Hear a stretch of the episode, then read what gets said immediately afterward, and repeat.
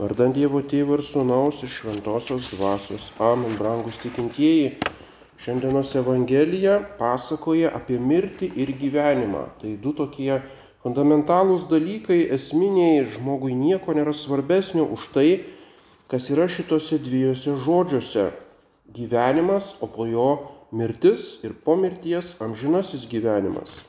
Ir štai tas stebuklas, apie kurį pasakoja Evangelija, to jaunuolio prikėlimas iš numirusių Nainė, tai yra vienas iš didžiųjų Jėzaus Kristaus stebuklų, kuris būtent parodo Jėzų Kristų kaip gyvenimo ir mirties viešpati, kaip tą, kuris turi dievišką galę ir gali įveikti mirtį. Tai yra vienas iš tų įrodymų Jėzaus Kristaus dieviškumo, kaip ir kiti numirusių prikėlimo stebuklai ir kaip paskui jo paties prisikėlimas iš numirusių. Ir tas stebuklas būtent išgarsino jį ir visus pagavo baime ir iš tikrųjų pasklido ta žinia plačiai, kad didis pranašas atsirado tarp mūsų ir pats Dievas aplankė savo tautą. Tai yra toks netiesioginis Kristaus dievystės išpažinimas. Taigi Jėzui ir jo mokiniams artėjant prie Naino mirusį išnešė palaidoti, tai buvo jaunas vyras ir pabrėžiama, kad tai buvo vieniša motina, našlė. Reiškia, ji nebeturės jokios paramos, niekas negalės išlaikyti jos ir taip pat nutrūks jos giminė. Tai yra didžiausia tragedija, kokia gali būti. Mirtis viešpatauja žmonijoje ir todėl ne tik tai visi turi mirti, Tai yra vienas svarbus aspektas, bet ir bet kuris žmogus, senas ar jaunas, bet kada gali mirti. Ir tie du žodžiai turi ir gali būtent pabrėžia mirties rimtumą. Mirtis jau pažymėjo visus žmonės jų gimimo metu kaip savo nuosavybę. Nuo pat gimimo kiekvienas žmogus yra mirties pavaldinys, yra mirties galioje. Jo gyvenimas bet kuriuo metu nėra garantuotas. Ir laimingas tas, kuris miršta, kai atėjo jo paskirtoji valanda. Ir štai galim klausti, tai buvo jaunas žmogus, tas nainė jaunuolis, jo gėdėjo vieniša motina, ar tai buvo jo paskirta valanda, ar tai buvo kažkokia nelaimė. Kartais palaidojime dar turėjo ir galėjo gyventi jaunuoliai, kurie patys buvo kalti dėl savo mirties, dėl kvailumo ar dėl palaidumo. Tačiau apie tą jaunuolį iš Naino galime manyti, kad jis mirė toks jaunas Dievo valia, kad jame atsiskleistų Jėzaus jėga. Reiškia, tai buvo apvaizdos numatytos aplinkybės. Ir kiekvienam žmogui lemta vieną kartą numirti ir visi čia yra lygus, tačiau didelis skirtumas, kaip kas miršta.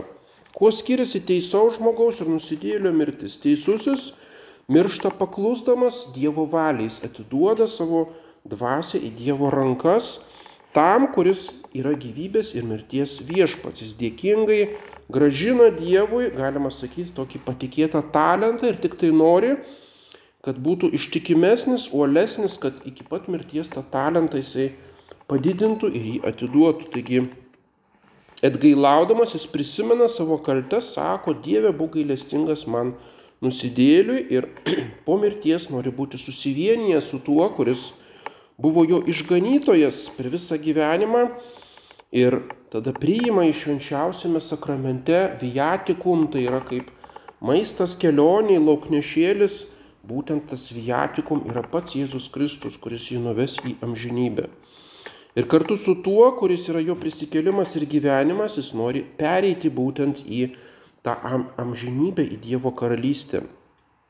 Ir kaip siaubingai miršta Nusidėjėlis įsikabina į šitą gyvenimą, bet negali jo sustabdyti. Jo siela kupina baimės, nevilties, jis turi mirti, bet nenori. Jis protestuoja prieš tą savo likimais, nesupranta mirties prasmės ir netiki į amžinai gyvenimą arba jo bijo. Jis turi palikti tai, prie ko per gyvenimą buvo prisirišęs. Viską, ką jis mylėjo, būtent buvo šitoje žemėje. Čia jis visą tai turi palikti. Turi eiti ir atsiskaityti tam, kuriam jis netarnavo, kurį jis pamiršo arba prieš kurį net kovojo. Ir kas nutiks, atsidūrus priešais teisėją, viskas bus prarasta, nieko nelieka kaip tik tasai teismas ir amžinybė ir čia yra jo baimė. Jis netiesia rankų link Dievo, nors Dievas vienintelis gali jam padėti. Jis arba per daug išdidus, arba užsispyręs, arba tiesiog nebeturi vilties ir jo širdis lieka be atgailos, be maldos ir tai, kad sakoma, jog paskutinę minutę galėsim atsiversti, tai tik labai retai atsitinka kaip ypatingas stebuklas ir todėl dažnai, dažnai tokie mirštantieji vengia kunigo, nenori šito viatiko, nenori paskutinių sakramentų ir tai yra baisus perėjimas į amžinybę. Ir tada žmogaus kūnas palaidojamas.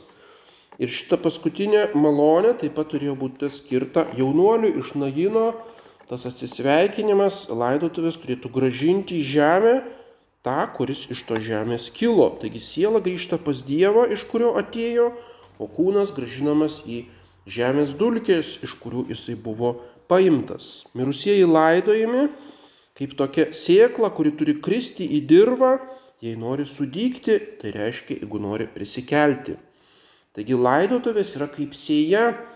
Sėjėjai beria sėklą į žemę tokią, kokią jie randa. Tai reiškia, laidojame mes visus žmonės. Nebent jis būtų buvęs viešas nusidėjėlis, tada ne, nelaidojamas pašventintose kapinėse arba su apieigomis. Tai reiškia, ar gera siekla, ar bloga siekla, ne nuo tų sėjėjų priklauso, ne nuo tų, kurie laidoja. Tai priklauso nuo pačios sieklos. Ir kokie skirtingi bus tie kūnai, kurie kelsis kaip tasai derlius, būtent iš kapų, kurie atskleis tą vidinę sieklos prigimtį, kas buvo pasėta. Taigi laidojimas turi tokią reikšmę, kaip paruošimas būsimam prisikelimui. Ir būtent tas pasėtas kūnas, palaidotas, arba jisai bus pašlovintas, sudvasintas ir įgys dvasi, dvasinės savybės ir tada nueis į šlovę, arba pačiame tame kūne fiziškai, galima sakyti, atsiskleis nuodėmė, tai kas buvo sieloje. Taip pat kita reikšmė laidojime, tarsi paguldytume negyvą kūną pailsėti arba ramiai mėgoti ir tai nuolat kartojame amžiną į atilsi arba kalbame apie užmigusius amžinuoju miegu ir taip toliau. Reiškia, savo gyvenime žmogus patyrė daug triūsų, kančių ir štai atėjo jo šabo diena arba polisio diena pavargęs kūnas gali pailsėti. Ir štai vėlgi viskas priklauso nuo to, ar jis ras tą ramybę. Kūnas ilsisi, bet ar siela taip pat ilsisi. Amžinam poilsiui reikia daugiau nei paguldimo į kapą. Jei siela gyvenime buvo be ramybės, be to tikro poilsio, niekada nebuvo patenkinta, nebuvo atsidavusi Dievui, buvo blaškoma aistrų, ją draskė nuodėmės, tai kaip jinai mirtyje gali tikėtis ramybės. Reiškia, tas draskimasis ir blaškimas aistrų jis bus kaip įamžintas, jis išliks ir tada nebus to amžinojo atilsio. Paštalas Paulius sako, siejamas gendantis kūnas keliasi negendantis. Į kapą dedamas tik tai kūnas, siela eina pas Dievą ir būtent kelsis negendantis kūnas. Tai kažkas nuostabaus. Kaip mes galime apie tai žinoti? Nematome, kad danguje, nemanom, kad dangui nebūtų gailestingumo šitai daugumai, kurios paėmė mirtis, kai Jėzus pamatė, kad jaunuolio motina verkys buvo sujaudintas, reiškia mirtis iš karto, galima sakyti, žadina gailestingumą, Dievo gailestingumą. Argi Jėzus Kristus nebus sujaudintas dėl ašrų tiek daug žmonių, kurie aprauda savo mirusiuosius ir jie reikalavimą ženklo savo tikėjimui mirusiųjų prisikėlimu, būtent atkreipkime į tą sceną, ką daro Jėzus. Jis sako, jaunuolis, sakau tau kelkis, o motinai sako, neverk, jisai guodžia, tasai pagodimas nėra tik tai tokie žodžiai, bet tai simbolizuoja būtent tą gailestingumą, prikeliant numirusių. Mirusysis atsikelia, pradeda kalbėti, būtent išsipildo tie žodžiai, aš esu prisikėlimas ir gyvenimas. Kas tiki manime, gyvens nors ir numirtų. Arba Jono Evangelijoje nesistebėkite, kad ateis valanda, kai visi gulintieji kapuose išgirs jo balsą. Kurie daro gerą prisikels gyventi, kurie darė blogą prisikels stoti į teismą. Bet būtent tiems, kurie darė gerą, tai yra gailestingumo žodis, tai yra gailestingumo šauksmas, tas prisikėlimas. Nes visa, ką jie iškentėjo ir ypač mirtis, visa tai bus Dievo nugalėta. Jėzus atidavė jaunuolį motinai ir koks tai džiaugsmas jai, koks pokytis Didžiausias skausmas, neviltis ir didžiausia laimė. Žinoma, jinai vos galėjo suprasti, kas čia dabar atsitiko, ji mato tą mylimą sūnų, girdi jo balsą ir tai yra neįtikėtina, ta mirtis atsisakė savo grobio. Tai, kas buvo nežinoma, negirdėta, tampa tikrovė per Jėzų Kristų. Tai yra didžiausia laimė, kad mūsų mylimi mirusieji bus, bus mums sugražinti. Reiškia, kiekviena mirtis tai yra tik tai laikinas atsiskyrimas. Būtent tą viltį ir tą tikėjimą mes turime būtent iš tų mirusių prikėlimo įvykių ir iš tikėjimo į mirusių prisikėlimą. Tai, ką viešpats Jėzus padarė Naino našliai, būtent turi atsitikti visam, pasa visam pasauliui.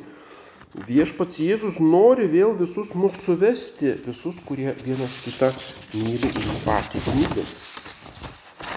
Ar atpažinsime savo artimuosius tame busime pasaulyje? Širdis trokštam žinos laimės, negali to įsivaizduoti be susitikimo su savo artimaisiais. Ir būtent tai yra viltis šitoje Evangelijoje, atiduodamas verkiančiai motinai Ir tai bus visiems, kurie gedi savo mirusiųjų. Reiškia, visi mylimieji bus vėl suvienyti amžinajame gyvenime. Mes tikrai pažinsime vienas kitą, surasime. Taip kaip Mozė ir Elijas, jie mirė visai skirtingais laikais ir jie abu pasirodė per Jėzaus atsimainimą. Reiškia, susitiko vėlgi šitame pasaulyje, atpažino vienas kitą kaip įstatymo ir pranašų atstovai. Ir žinoma, vėl ne kiekvienas susitikimas kitame gyvenime bus džiaugsmingas. Mes vėl turim kitą Evangelijos vietą apie turtuolį ir vargšą. Turtuolis amžinybėje nulatos matė tą vargšą lozorių ir vėl su juo susitiko Abromo prieglopstyje. Ir štai tas vargšas dabar yra priimtas pas Abraomą, reiškia į tą, tas pragarus, kuriuose laukia Jėzaus Kristaus ateimo, o turtuolis liks alkanas pragare. Taigi susitikimas amžinybėje bus kaip apkaltinimas kiekvienam nusidėliui. Jėzus prikėlęs jaunuolį atidavė motinai. Tai didžiausias pokytis nuo skausmo iki laimės. Ir tikrai laimė, kurią jinai vos, vos galėjo suvokti netekusi sūnaus, neteko visko. Ir dabar atgavo sūnų ir atgavo viską. Kiek daug smūgių turėjo jinai patirti, kiek jinai laukė, jinai ne tik tai ėjo paskui tą karstą, bet jinai galvojo apie visą tai, kaip jai dabar reiks nugyventi visą likusi gyvenimą. Ir taip mes galvojam, kai mums irgi gyvenime atsitinka nelaimė, klausim, kodėl neperprantame tų visų apvaizdos kelių, ir tada galvojam, kad tas apvaizdus nutarimas jau yra visiems amžiams ir tada dažnai prarandam viltį. Bet būtent turime išsaugoti net ir didžiausioje netiktyje, turim išsaugoti šitą antgamtinį žvilgsnį, antgamtinę viltį. Galų gale visos kančios pasibaigs, jeigu tikime į prisikėlimą. Taigi išbandymai turi savo pabaigą Ir kada tas skurdas pas didžiausias, Dievas ateina į pagalbą. Jėzus sako, neverk. Kaip aš galiu neverkti, jeigu viską praradau ir nėra jokios vilties ir viskas prieš akis tamsu. Bet būtent jis skatina, kad jinai sužadintų vilties aktą dar prieš prikėlimą, kad jinai patikėtų, kad jinai šauktųsi Dievo, o ne iš karto pasiduotų nevilčiai. Reiškia, jūs iškart što, što, stovi šalia jos su paruošta pagalba, jau ištėsė jai ranką. Ir taip turime, net atrodo, juodžiausioje kančioje, kai atrodo viskas e, nebeturi jokios ateities, turime išsaugoti šitą antgamtinę vilties darybę. Ir kai jaunuolis prisikėlė, visus apėmė baimė. Ta baimė tai yra Dievo baimingumas. Reiškia, e, baimė, kurią sukelia pajutimas, kad Dievas padarė stebuklą, kad čia jo apsireiškia visagalybė. Mm, pamačius sugražintą gyvybę, visi nustėro, reiškia tai kaip įveikta pati prigimtis, e, gyvenimas, kurį mirtis įveiks, būtent būt, pripildo kažkokio siaubo, kaip kas bus tas amžinasis gyvenimas. Tai yra toksai baime susidūrus su absoliučiai nepaaiškinamu dalyku. Dievas maloniai pažvelgia į savo tautą. Žmonės šaukėsi Dievo, visą tai priima ant gamtinio tikėjimo, visą tai sužadina jų tikėjimą. Ir tai yra visų Jėzaus Kristos stebuklo galutinis tikslas - pačiose žmonėse sužadinti tas tikėjimo, vilties, meilės darybės, o ne tik tai juos kažkaip šokiruoti išoriškai ar sukurti sensaciją. Dievas, galima sakyti, priartėjo prie žmonių savo sūnuje. Kas mato sūnų, mato ir tėvą. Sūnų sujaudino verkiančios našlės reginys ir jame pasirodė gailestinga tėvo širdis, galima sakyti, tapo kaip to tėvo gailestingumo ambasadoriumi arba atstovu arba įsikūnijusiu Dievo gailestingumu. Ir jis kviečia jaunuolį į gyvenimą, tai yra to paties tėvo jėga, kuri viską sukuria, kuri teikia gyvybę. Reiškia, jo asmenyje pasirodė tos Dievo amžinosios savybės. Vėlgi, sūnus atiduoda jaunuolį motinai, tai yra apriškimas tėvo meilės, kuri visus guodžia, sujungia. Taigi matome, kad Dievo sūnuje apsireiškia visagalė jėga, apsireiškia malonė, apsireiškia paguoda. Tai reiškia, Dievas maloniai pažvelgia į savo tautą. Visa ta mirtis, visos tos e, ašaros, dėjonės, tai yra iš žmogaus nuodėmės. Žmogus paliktas savo, jis yra skirtas mirti ir skursti, bet kai Dievas prisartina, maloniai pažvelgia į savo tautą, prisartina prie savo tautos, tada mirtis ir kančia turi trauktis. Ir tai yra visas mūsų religinis gyvenimas. Kas tai yra mišios, kas yra sakramentai, kada Dievas maloningai į mus pažvelgia, kada Jėzus prisartina prie mūsų, apreiškia tą Dievo gailestingumą, įveikia mūsų kančią ir mūsų mirtį. Taigi, kiekvienas tas Dievo priartėjimas, jame turime būtent tai matyti, tą Jėzų Kristų, kuris mus prikelia, kuris dabar prikelia iš nuodėmės ir kuris prikels mus pasaulio pabaigoje. Jėzus Kristus yra tėvo galios, tėvo malonės ir tėvo paguodos apsireiškimas kiekvienam iš mūsų. Ir tai yra mūsų antgamtinė viltis ir tai turime išsaugoti net juodžiausiomis savo gyvenimo valandomis. Amen. Vardant Dievo Tėvų ir Sūnaus iš Šventosios Dvasios. Amen.